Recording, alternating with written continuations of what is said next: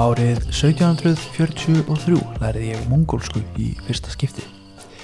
Eftir að ég tók yfir landsvæði muslima lærið ég tungumál úígúra. Árið 1776 seguriðu við uppreisna sekkina í suðvestri, tókum svo yfir landsvæði þeirra og ég byrjaði að læra típesku. Eftir nokkur stund var ég orðin ágætur í því máli. Eitt daginn átti ég vona á Panchen Lama, trúalið tóða típeta, því lærði ég tangut sem hann hafði að móðumáli. Þegar höfðingjar og sendimenn koma til hallarinnar frá landsvæði Mongóla, muslima og tíbeta get ég alltaf tala við á á þeirra eigin móðumóli í stað þess að treysta á tólk. Þannig get ég einbytt mér að taka yfir landsvæði þeirra á blíðleiri hátt.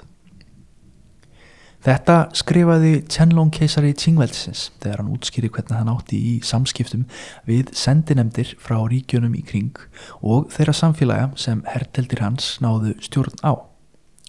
Þessi teksti hans sem hann skrifar í dagbók sína finnst mér vera gott dæmi um það hvernig Kína var stjórnað undir vang mannsjúramanna en orðið mannsú er kýmveska orðið yfir þennan einstaklega áhugaverða þjóðflokk sem tók yfir Kína og stopnaði síðasta langvarandi keisaraveldi kýmvesku menningasögurnar.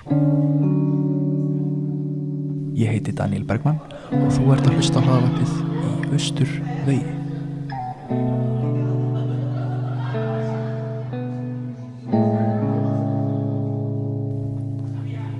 Ferðamenn sem koma til Peking í dag geta upplifað alþjóðlega borg þar sem fólk frá öllum heimshortum hefur reyðra sögum. En flestir íbúar borgarinnar eru aðkomufólk frá öðrum stöðum. Hægt er að finna einstakarn arkitektúr þar sem hort er til hefbundina kýmeskra listgreina og hannað út frá þeim. Arkitektúrin Ma Yen-song er frægur nútíma hönnuður sem hefur nýtt Shanshui málverk sér til innblásturs en hann er heilin á bakvið bygginguna í uh, Chaoyang Park Plaza í Peking en þessi bygging lítur út fyrir eins og foss sem að rennu niður fjall líkt og finna má í Shanshui málverkum uh, sem hafa verið máluð í aldanarás í Asju og Víða. Á tímum Jön keisarveldsins voru hverfin sem kölluður hútóng byggð í fyrsta skiptið. Peking byggðist smátt saman upp í kringum keisarahöllina sem Kublai Khan let byggja og má raunar sjá leifar þeirra borgar í hútónkverfunum sem þeir sem hafa þangað komið þekkja vel. Hútónkverfin bygg, byggðust upp í óskipulega í kringum sameilan brunn þar sem allir sem tilherðu því hverfi eða þeirri húsa þyrpingu nýttu í saminningu.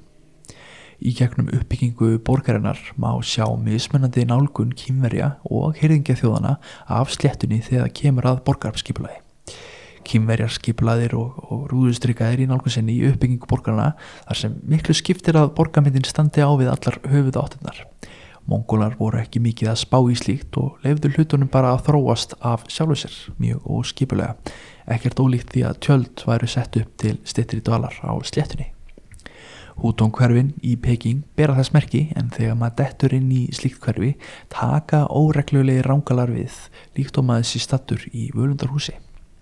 Seitna á tímum Ming-veldisins var byður risastór múrveggur sem umkrymdi borgina og varði hana frá árásum óvinnveittra herseita og hjælt þessi uppbygging áfram eftir að Qing tók við valdasætinu. Hins vegar er slíkur arkitektúr hægt og rólega hverfa og eru Þessar gömlu hútung húsaþyrpingar ripna niður á nánast hverjum einasta degi. Vekkurinn sem umkrindi borgina hefur líka verið fjarlæður og mikilfenglegir ringvegir fullir af bílum komnir í stæðin. Það mætti nánast segja að það eina sem að minnir okkur á Qing-kesarveldið í Peking í dag er mongólska letrið sem finna má í forbóðinu borginni og á svæðinu þar í kring en restin horfin eða mun með góðum líkum hverfa algjörlega á næstum árum. Nýsköpun er mikilvæg og það er gott að bæta húsnæði fólks til þess að geta til þess að geta þið búið við viðunandi aðstæður.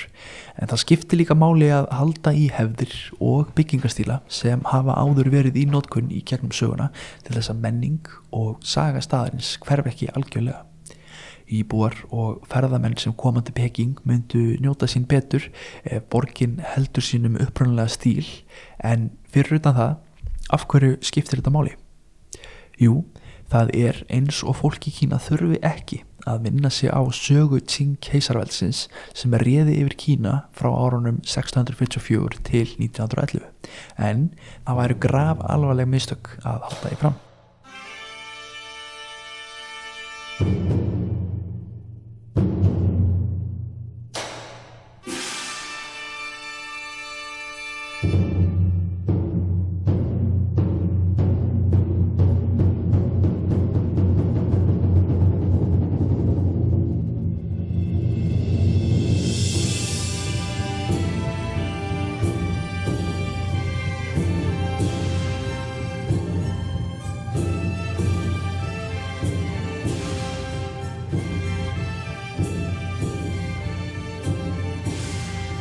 Qing keisarveldið var eitt farsalasta keisarveldi menningarsögunar og flest málefni utanríkismála Kína í dag snúast í kringum sögulega atbyrði og samninga sem voru undirritaðir á tí tímum Qing.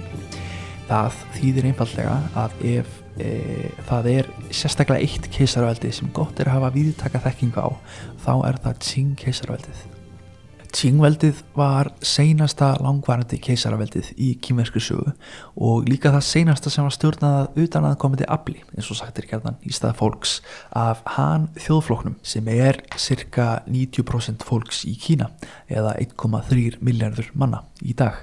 En á tímum Qing var hann fólkið um það byrj 405 miljón manns. Eins og áður hefur komið fram að þá var Tsing stjórnað af miklu minni þjóðflokk sem kennir sig við landsvæðið Mansjúríu í norðaustur Asju. Áður kendu þeir sig við Júrken þjóðflokkin sem á sig rætur á því sveiði og réðu yfir skamlíma, skamlífa djinnveldi á tóltöld sem að þrýsti á Songkesarveldið og tók yfir norðurluta þess veldis áður en nákvæmna þeirra. Mongólar komu og tókuloks yfir nánast all landsvæði Kína og Evrasju. Stemma á 17. öld náði Júrken höfðingi einn að nafni Nurgasi að sameina valdamestu þjóðflokkana á steppinum í kring. Mongólska sem og aðra eh, hyrðingahópa í, í Norður Asju. Eftir andlát Nurgasi náði sonur hans Eh, Hong Tai-Chi að taka sammeninguna skrefinu lengra og gefa þessum fjölbreytta hóp hýrðmanna samíleitt heiti og var það nafnið sem við nótum fyrir þennan hóp í dag Manchúar og þrátt fyrir að Hong Tai-Chi hafi látust áður en Manchúrium en tóku yfir kímenska Ming í söðri þá var hann talin vera einn af mikilvægasti stopnandi Qingveldsins. Eftir að þjóðflokkarnir voru saminæðir og Qing sett á stopp riðu fánarsveitir þeirra suður og siguröðu hersveitir rinjandi Mingveldsins. Eftir að þeir náðu völdum yfir öllu því stóra landsvæði sem Ming riði yfir, heldu þeir áfram landvinningu sínum að hætti Mongola og tóku yfir Tíbet og allt landsvæðið í kringum Urumqi í Xinjiang sem er norðvestur Kína en þessi hernaðlega okkur hersöta Qing og yfirtaka þess mikla landsvæðis er sá landmassi sem alþjóði lífildi Kína telur vera réttnæmt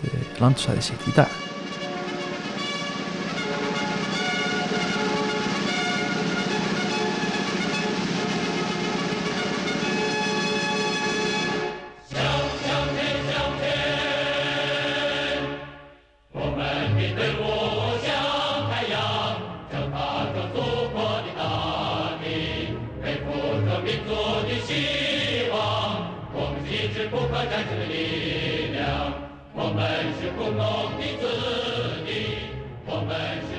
Þegar Qing keisarveldið var við völd töldu ráðunar ríkisins að þjóðfélagið inníheldi fjöldan allan af menningarhópum og tungumáluvennum og því var fólk hvað til þess að halda í þær vennjur sem það hafði. Fólk innan ríkisins talaði hinn ímsu mál sem finna mátti að sjú og fengu öll trúabröð að blómstra. Svona var þetta í 200 ár og hefur þetta menningar og trúfrælsi Qing leitt til mikill að vandamála í þjóðurnis sinniðu Kína nútímans þar sem reynd er að sameina samfélagið og einfalda það með sóselmarksísku íhaldi og hugmyndinni um kýmverskan kynþátt. Á 19. öld var gefin út bók eftir Charles Darwin sem heitir Origin of Species og breytist hugmyndir hans sem eldur í sinu um, út um allan heim en út frá þeim pælingum um að hæfistu skeppnundar komist af spratt upp hugmyndir um social darwinisma. Stjórnmála ströymarnir sem voru hrifnir af þessari hugmynd töldu einn ákveðin kyntátt aðri öðrum og fóru að flæða á milli fólks um heim allan. Út frá þessari reyfingu höfum við hugmyndina um kynþátt í okkar nútíma samhengi en undir lok 19. aldar í Kína var þetta ný og óþægt hugmynd. Liang Qiqiao var einn áhrifamestið hugsuður 19. aldar í Kína. Þegar hann var uppi var hann undir miklum áhrifum hugmyndarinnar um sósjaldarvinisma en á hans tíma var flest talað um Hanzu eða þjóðflokk Han kynverja og stöðu þeirra í þjóðfélaginu sem nokkur skonar kynstofn æðri öðrum.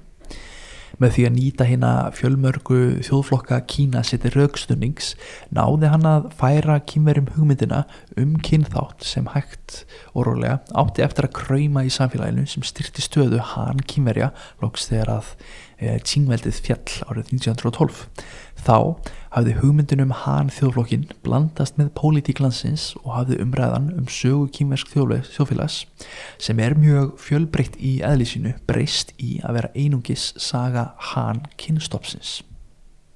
Eftir að hugmyndin um hann þjóðflokkin hafi verið blandað saman við kynþáttahugmyndina fóru hinn í ymsu fræðimenn að segja hann þjóðflokkurinn væri hinn æðri guli kynstofn líkt og sumir hér á Vesturlundum töldu kvítakynstofnin vera æðir í öðrum í Evrópu og, og Bandaríkanum á sama tíma. Mansjúrar, Japanir og Mongólar voru stundin taldir vera af öðrum líffræðilegum stopn en hinn er hreinræktuðu hán kýmverjar og þessar vangaveltur fengu að blómstra á þessum tíma sem að tíngveldið var að molna í sundur og, og styrjaldir áttu sér stað viða um ríkið. Fólk var orðið mjög þreytta á ástandinu og vildi sjá öfluga breytingar innan þjóðfélagsins. Þegar fadir sinnhæbildingarinnar Sun Yat-sen reysu upp nýtti hann sér þessa hugmynd og taldi hluta ástæðunar af hverju Kína hafi verið svona hernanlega veikburða gegn vestrinu öflónum væri vegna þess að tíngveldið væri reikið af síðri kynstofn sem voru jú mannsjúar. Sun Yat-sen var fyrsti líðræðislega kjörni fósetti í Kína og taldi hann undir áhrifum sósjaldarvinísku hugmyndafræðinar mannsjúana ekki búa yfir þeim krafti sem þurfti til þess að berjast gegn erlendum öflum sem herjaði á Kína á 19. öld. Kína hafði tapað í tveimur ópjumstríðum við breyta og var veikburðara með hverju áðis ári sem leið. Sun Yat-sen ætlaði sér að byggja upp heimsveldi Han kýmverja, losa landi sitt undan, undan klóm Mansjúra og stopna ríki fyrir Han fólkið. Það er til heil hellingur af heimildum sem bendir á að í Kína hafa alltaf verið fjölbreyttur menningarheimur. Samt vildi Sun Yat-sen meina að Han fólkið væri hinn reyni kýmverski kynstofn sem deilir sömu menningu, blóði og tungumáli þetta eru þetta bara ruggljónum en, en þráttur það er þetta samt mikilvæg liður í stefnumálum kýmverska kommunistaflokksins og þeirra ráðamanna sem eru uh, þar við völd í dag. Því mikilvægt að skilja söguna á bakvið af hverju fólk hafa allt í una áhyggjur á því hvaða kynþáttur væri við völd. En það heit umræða um allan heim á þeim tíma.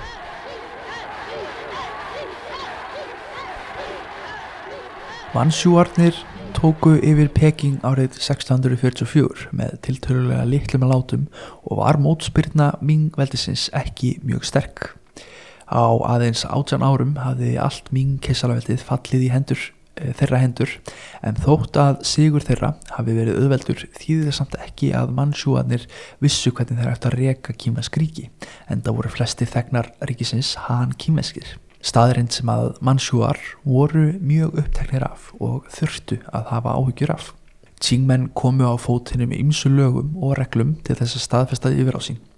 Í gegnum aldinnar hafa kynveski karlmenn verið að hafa stoltir af síðuhári sínu og, og táknaði það karlmennsku og karlagan elegans því var hárið gerðan bundið upp í snúð eins og sjáum á hennum ymsu sápuóperum sem fjallum kynveskar keisarættir.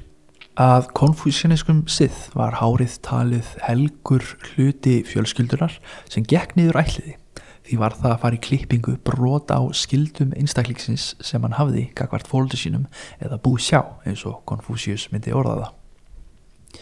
Á tímum Tsing var karlmönnum skipað af skafa af sér fremli hluta hársvarðarins, binda hárið í likju og láta það vaksa sítt afturbakk að sið mannsjúa.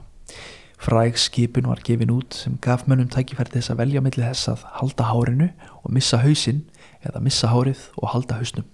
Einnig voru allir karlmenn skikkaðir til þess að klæðast þröngum fatnaði fyrir ofan mitti með háum kraga að hætti mannsjúa í stað viðra kýmveskar klæða sem tíðkast hefur meðal hann kýmverja í gegnum ming keisaraldið.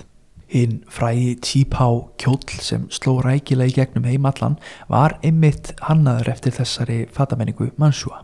Slíkar skipanir voru, fóru illa í alþýðuna og spruttu upp ymsar uppreysnir út af slíkum lögum því undir lok Tsing keisarveldsins var það ákveðin pólitísk yfirlýsing að klippa af sér síða hárleikjuna í mótmælaskinni gegn valdasjóð mannsjúa og viða sást til rakar á strætum borga sem tilbúinu voru að klippa leikjur fólks eftir að sinnhæbildingin bröst út árið 1911.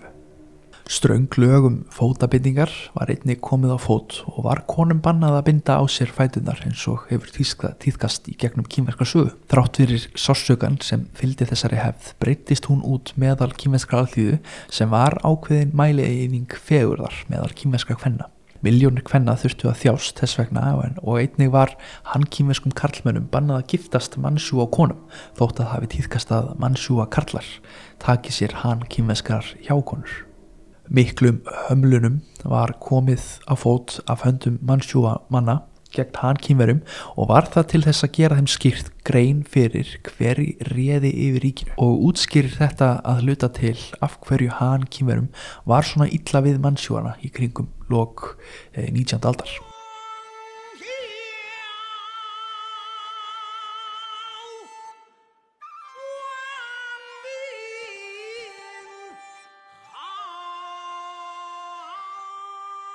Þegar komað mentastofnurum Tsing og stjórnríkisins var fyllt gamlum konfúsískum hefðum sem að hafðu týðkast í kærnum aldeinar. Eins og á tímu Ming var haldið uppi ráðunitum sex sem sáu hver um sín málefni. Mannauður, fjármál, helgiatatnir, stríðsmál, hæstarétt og hag almennings innan ríkisins. Hins vegar var sétið þess að tveir ráðherrar, einn hann og einn mannsjúri réði yfir hverju ráðuniti. Undir þeim tveim voru fjórir vara ráðherrar, tveir af ætt hann og tveir af ætt mannsjúra. Þetta var gert til þess að trista, eh, til þess að fólk tristi stjórninni frekar. Embætismannaprófin eins og þau þekktust á tímum Ming var komið á fót eftir valdatöku mannsjúra og var prófið fyrst haldið í Peking en eftir að síðustu hersveitir Ming keisarvaldsins fjallu síðar eh, var það haldið vísvegar um ríkið. Empatismannakerfið var að mestuleiti eins og það hafði verið á tímum ming og fengu margir reyndir og, hliðhóllir fræðimenn stöðu innan yrðarannar. Mansjúar er ekki fjölbreyttur hópur í samaburði við hann kýmverina því voru þeir staðsettir vísvegar um landið í litlum hópum. Af hverju heldu þeir samt velli og hvernig reðu þeir í tvær og halva öld? Eh, megin ástæðan fyrir því var vegna jafnbæsins í kerfinu sem þeir koma fót en hægt var að skipta því niður í þrjú lög eða þrjú stygg. Fyrsta eða efsta lægið voru þeir sem stjórnuðu ríkinu. Júrhen þjóðin í norðari nú þekkt sem mannsjúar. Sá sem er hvað næst skilur Núrhasi var valdamestur og svo hjælta áfram niður gókunaröðina. Þeir höfðu sitt eigið tungumál og reitmál sem þeir fengu frá mongólum. Embætismenn Tsingríkisins notuðu klassíska kýmversku til þess að halda utanum stjórnsísla sem var þýgt yfir á mannsjúrisku til þess að allir getur skilið gögnin. Mannsjúramenn höfðu sín eigin sjámönsku trúabröð og var hann kýmverum stránglega bannað að taka þátt í þeim og koma inn í hófi sérstaklega byggð fyrir þá trúar yðkun. Annað eða miðlægið á þessu kerfi hinn í helt hermenn fána sveitana, bæði mongólska og hann kýmverska.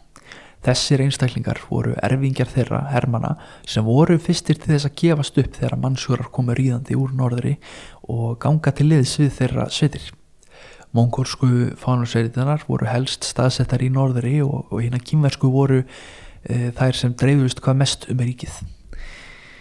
Leðtói fánarsveitina fekk titilsinn frá mannsjúrsku yfir aðanum og fór það eftir því hver gamst fyrr upp í stríðinu gegn, í gegnum, e, gegnum valdatökuna þeir sem gáðust upp fyrr e, fengu herri leðtótitil og tölu þeir oft bæði kýmvest alþýðumál og mannsjúrsku. Fánansveitinnar voru þeir kýmversku og mongólsku herrmenn sem voru hvað tryggustu stuðningsmenn nýju valdhafana. Mannsjúratnir voru ekki margir því án þeirra Án þessara fánasveita hefðu þeir aldrei náða að taka yfir allt meginland Kína. Þriðja og neðsta lægið á þessu skiplagi voru Han kýmverðnir sem var meiri hluti fólks sem bjó í ríkinu. Þeir Han kýmversku herrfóringjar sem neituðu að ganga til liðs við fánasveitinar gáttu valið á milli þess að lifa í sátt með valdastjórn Mansúra sem venjulegu borgari eða strísmaður e, eða bara vera tekinna lífi. Margir sem börðust gegn e, valdastjórn Mansúra dói fyrir málstæðsinn en, en flestir kýmveskir herrfóringjar sem störfuðu áður undir ming gáttu lesið í vindin og séð hvernig málin áttu eftir að þróast. Vel staðir hann kýmverjar sem höfðu miklar persónlegar eigur og landsvæði innan ming vildu sjá til þess að þeir heldu eigum sínum en þá eftir stopnu nýja veldisins og ef það gekk upp vildu þessar fjölskyldur geta sendt sinni sína í embetsmannaprófin til þess að þeir geta tryggt sér valda mikla stöðu innan ríkisins. Mannsjúarnir e, tristu landeigandunum en þurftu að passa sig því dæmi voru um uppreysnir hér og þar Árið 1648 rýðs upp þúsundir hann kýmverja til þess að mótmæla valdastjórn mannsjúra og miljónir manns gengu í liðs við uppreysna stríðsherrans uh, Zhang Gong sem að betur eða þekktur sem Koksinga á Vesturlöndum. Hann og fylgdalið hans réðust á Nankingborg miðja 17. öld en svo árás var snögglega hrundið af hermunum Qing. Slíkar uppreysnir í Suður Kína voru hættulegar vegna þess að þegar mannsjúrar tóku yfir landsvæðið pældu þeir ekki mikið í Suðurnu. Þessi stað sendu þeir trygga Han kýmverska hersöðninga eins og Wu Sang-wei sem voru fljótir að ganga til liðs við þá eftir valdatökuna og treystu þeim til þess að reka þau landsvæði sem svo örðu að nokkus konar sjálfstæðum í lénsveldum út af fyrir sig en samt innan Qing landabærana. Tianlong keisari Tsingveldsins réði hvað lengst af öllum keisurum kýmersku menningarsvörnar. Hann erfiði ríkið sem 25 ára velmentaður ungu maður sem var frá blötu barspenni ætlað að taka við. Annað en fadir hans, Yongchang keisari, sem þurfti að berjast fyrir hásæðinu. Yongchang keisari sá til þess að skrifa niður á blað hver ætti að erfa ríkið og læsa það inni til þess að færa ekki á milli mála hver ætti að taka við. Hann var því vel undirbúinn þegar það loksins koma því eitt góða veru dag að erfa hásæti dregans, það herrans ár 1736. Síðan þá átti hann eftir að ríkja frá forbúðinu borgin í Peking alveg til ásins 1799 og því margt sem hann bæði sá og uppliði á langri lífisleysinni. Hann var vægasagt hæfur til verka. Þegar hann tók við skrifaði hann í dagbók sína að hann var ekki bara keisari yfir kýminsku keisardæmi heldur taldi hann sig vera keisari yfir menningarlega fjölbreyttu asísku stórveldi. Hann var ekki bara nýtt stjórnmála afl heldur færði hann ríkinu og hyrð sinni nýjan vingil bæði trúalega og menningarlega sem átti eftir að endur skilgreina mannsjúrisku arfliðina og vald þeirra yfir fræðinu. Mikilvægsta afreg hernaðar sem hann gerði fyrir tsingveldið var að ná valdi yfir landsvæðinu í vestri sem hefur verið síðan kallað Xinjiang eða landamæri nýju á íslensku. Eftir þessa innlimun tvöfaldæðist eh, landmassi ríkisins og landamæravarnir við Rúsland og ríkin í vestri styrtust til muna. Forverar Chen-Long vildu eiga síðasta orðið í flestu sem að herrsveitið þeirra snertu en hann treysti herrfóringi sínum til þess að taka sjálfstæðar ákvarðanir fyrir sig. Það þýðir ekki að hann hafi ekki verið upplögu leðtói, þvert á móti var hann bara mjög virkur og ferðaðist mikið um ríkisitt. Hann hýtti embætismenn í hyrðsinni eftir þörfum og las öll gögn sem fjöldluðum stöður ríkisins hverju sinni. Hann fór ofta á myndli Peking og þeirra borga við Jangsefljótið sem höfðu eitthvað stjórnmálalegt e, mikilvægi fyrir hvert svæði ásand því að ferðast mikið í Mansúriu. Hann leiti hernaðaleðangra og skrifaði mikilvæga skipanir til herrforgi sinna þegar hann fannst hann þurfa að stíga inn í til að hafa áhrif. Einna mikilvægast hugsaði hann vel um móðu sína sem var enn á lífi eftir andlátt uh, fadur hans, Jungdjón Keisarnas að konfúsjóniskum sið syndi hann henni vel og fór eh, hann á og til með henni í ymsu, hinn ímsu ferðalög þar til hún lést. Áður en hún dó gæt hún ekki ferðast í nokkur ár og e, þessi stað að fara með henni í ferðalög let hann bara byggja upp garð að suðurænum kýmveksnum stíl innan orður hluta hallarinnar í Peking sem hún fekk að njóta til döðu dags en í dag er hægt að heimsækja forbúðinu borgina og sjá þennan garð sem var byggður fyrir hana.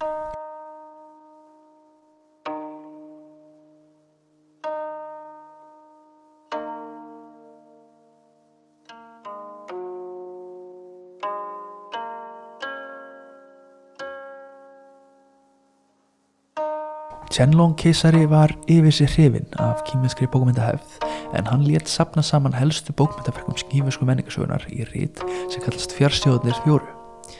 Það rít var skipt upp í fjóra hluta en þeir voru klassískir tekstar, heimsbyggi, sagfræði og hinn ymsu rít híðan og þaðan sem fjall vel í kramið á honum Chenlong.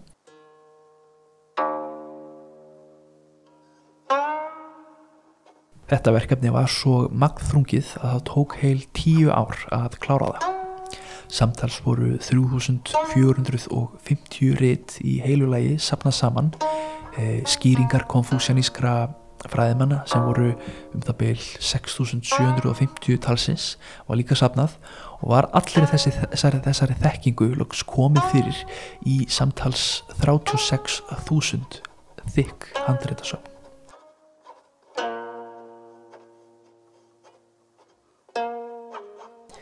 Þetta er eitt mikilvægasta afreg tímanna því án þess hefðu þúsundur rita glatast og glemst. Stuttu eftir þetta fór samt dýrð og leðtóa hefilegar Chenlong keisara niðurofið. Með því yfirvóðandi fall Qing keisarvöldsins á samt tapi á umbóði heiminsins.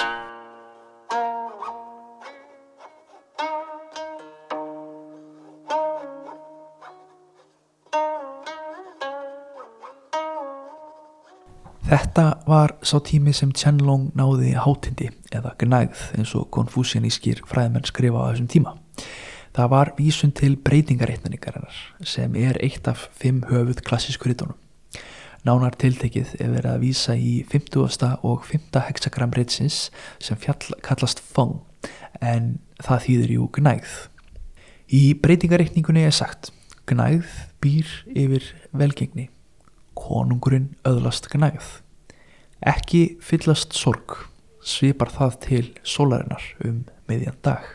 Síðan er til skýring frá Ford Kína í samareiti sem fyrir yfir hvað þetta þýðir. Þegar sólinn skín sem bjartast yfir miðjan dag byrjar hún að síga niður.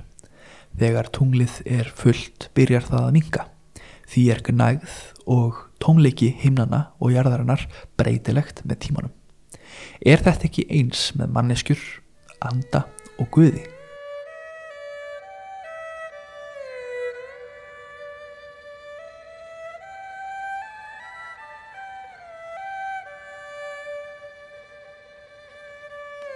Samskipti Qing manna á fyrir tímum við Erlend öll voru ekki að miklu tægi. Mest begnis kom fólk frá Kóriðu til Kína í semdiferðir til þess að færa keisarunum gjafir og e, eh, virðingu. Chenlong keisari taldi sem eitt miðju alheimsins og alvaldur asíska heimsveldisins eins og hann skrifar í dagbúksinni. Engin samskipti voru á milli Japans og Kína þegar Chenlong var uppi og hafiði verið þannig síðan á tímum Ming. Vegna þess að keisarar Kína töldu ríkin fyrir utan vera menningarlega lægri sett því var ekki mikill áhugi fyrir að læra af erlendum ríkum. Mikill áhugi að utan var samt fyrir því að stunda viðskipti með Kína og höfðu breytar byrjað að kaupa mikið magn af te frá kaupmönnum hafnaborgana. Þetta vatt mjög hratt upp á sig og í tilhörnsinni til þess að ná stjórn á viðskiptum setti Qing stjórnin takmarkanir á öll viðskipti millir Kína og um heimsins. Árið 1760 tóku þessi lög gildi og þá máttu einungis stunda viðskipti í kantun á milli oktobermánaðar til marsmánaðar. Fyrir utan þennan tíma var ekki löglegt að stunda viðskipti í Kína og svarti markaðurinn blómstræði því sem aldrei fyrr. Mikill hagnaður kom frá viðskiptum breyta með te og þetta fannst þeim þessi takmörgum tíngmanna e, fráleitt hugmynd. Eitthvað þurfti að gera og var maður nafni George McCartney sendur til keisarans til þess að leysa úr málunum. Þetta voru loka metrar þess tíma sem Chenlong var við völd og var hann þá orðin ofgóðu vanur. Honum hafði verið rósað ómikið fyrir alla sigrana í fræfuna og farið var að rigna ansi mikið upp í nefið á honum. Á sama tíma var breska austur Indiafélagið eh, sem sá um að ferja muni frá Kína til Breitlands sendt frá Georgi III til Kína til þess að sína þeim mátt breska heimsveldsins en á átjönduöld hafðu breytar aukið áhrif sín til muna og orðið nýlendu herrar um allan heim. Vernda þurfti orðspor breska heimsveldsins og var að kartnei fyr, fyrir valinu til þess að koma skilabóðunum áleiðis. Hann hafði áður sint diplomatiskum störfum í Rúslandi og á Indlandi og var núna stattur í Kína sem nokkur skonar sendiherra breska heimsvelsins. Árið 1793 mætti McCartney til Tianjin. Sama dag var 80 ára ammali Tianlong keisara og voru hátíðarhöldum allt ríkið. Um leið og hann steg frá á land var komið hans fagnað og var sendinettin Berska leitt til Peking en að vana Tsingmanna var hann bara talin vera mættur til þess að votta keisarinu virðingu þar sem að breytar voru ekkert nema barbara þjóð í augum kýmverja.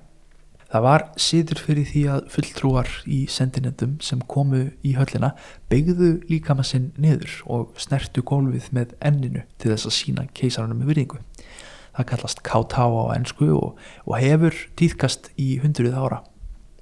McCartney var alvöru breskur sentilmaður sem fannst K.T.A. vera fyrir neðan sína virðingu en hann saðis geta farið á eitt nýja og byggt sér nokkur sinnum í staðin fyrir að snerta golfið alveg með enninu. Cheng Men e, sættu sig við þetta og var McCartney hjartanlega velkomið að mæta á fund keisarans í sumarhöllinni í norður Peking. Þegar þeir hittust bað hann keisarnum að stopnað yrði til diplomátiskra samskipta á milli Breitlands og Kína með sendiráði í Peking. Hann vildi líka að við skiptalögunum yrði aflétt og, opna, og vildi opna fleiri kaupstæði fyrir áframhaldandi viðskipti á milli ríkjana. En Chen-Long keisara og ráðhörum hans fannst þessi hugmynd ekkert spennandi. Í staðin leta hann McCartney fá berjef til Breitakonungs og í því stóð Við höfum aldrei þurft á hlutum nýja nokkru öðru sem framleitt er í yðar ríki. Þess vegna, yðar göfki, neytum mér. Þegar það kemur að því að opna sendir á því peking, þar sem það er á móti jafnvægi himminsins, sjáum við ekki þá kosti sem það geti fært konungsríki yðar.